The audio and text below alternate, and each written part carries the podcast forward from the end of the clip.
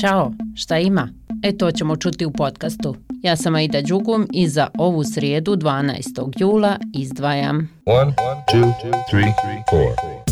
Predsjedavajuća vijeća ministara BiH Borjana Krišto i članovi predsjedništva BiH sastaju se s generalnom direktoricom za Evropu u službi za vanjske poslove Evropske unije, Angelinom Eichhorst. Razgovarat će o političkoj krizi u BiH i pronaći način da se omogući napredak Bosne i Hercegovine na evropskom putu. Tokom razgovora sa ministrom vanjskih poslova BiH Almedinom Konakovićem, Eichhorst je izjavila da posljednje antidejtonske i antiustavne aktivnosti u Republici Republici Srpskoj odstupaju od obaveza i očekivanja koja su pratila dodjelu statusa kandidata BiH za članstvo u EU. Objasnila je i kako je novi investicijski paket Evropske komisije još jedan pokazatelj da je budućnost Bosne i Hercegovine i Zapadnog Balkana u Evropskoj uniji.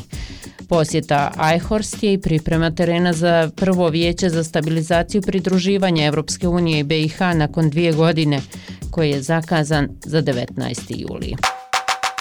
Lideri NATO-a nastavljaju danas razgovore u Viljnusu. U završnom dokumentu na kraju prvog dana samita lidera država NATO su poručili zemljama Zapadnog Balkana da je region od strateškog značaja za alijansu, te su potvrdili posvećeno sigurnosti i stabilnosti Zapadnog Balkana. Na taj način su podržali reforme koje jačaju težnje zemalja u regionu ka NATO-u i Evropskoj uniji. Poseban dio posvećen je Bosni i Hercegovini gdje lideri potvrđuju podršku suverenitetu i teritorijalnom integritetu BiH te pozivaju političke lidere da se uzdrže od podjela i secesionističke retorike i akcije.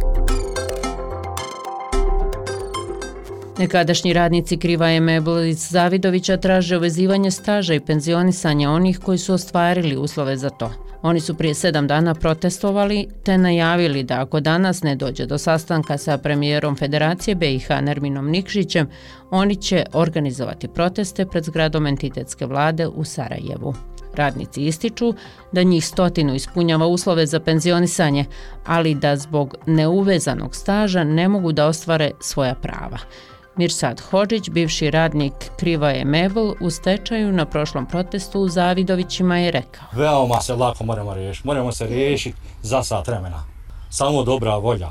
Opet ovim putom zamoljavam svi koji su nadležni, svi koji su voljni, nek nam pomogu, nek nas riješe, nek uvežu naš radni staž, nek nam darnu naše dužno i nek riješe imovinu normalno privajenje.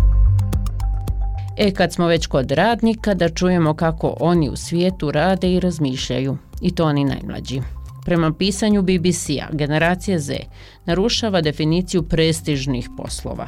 Mlađi radnici mijenjaju ono što znači raditi na elitnom poslu, pa čak i potpuno umanjuju njegovu važnost. Oni redefinišu prestižni posao kao posao koji poboljšava njihov vlastiti život. Ovo može uključivati poziciju koja omogućava radniku da živi životnim stilom koji želi, bilo da je to poduzetnik, rad u industriji koja je u skladu s njihovim vrijednostima ili strašću, ili osiguravanje posla koje im omogućava da sa strane izgrade svoj lični brend. Ističu kako je prestiž povezan sa praćenjem tradicionalnih načina i oni to odbijaju. E, sad ne znam šta mladi kažu za ove vrućine, ali eto za sve informacije da je danas i sutra naranđasto upozorenje zbog visokih temperatura.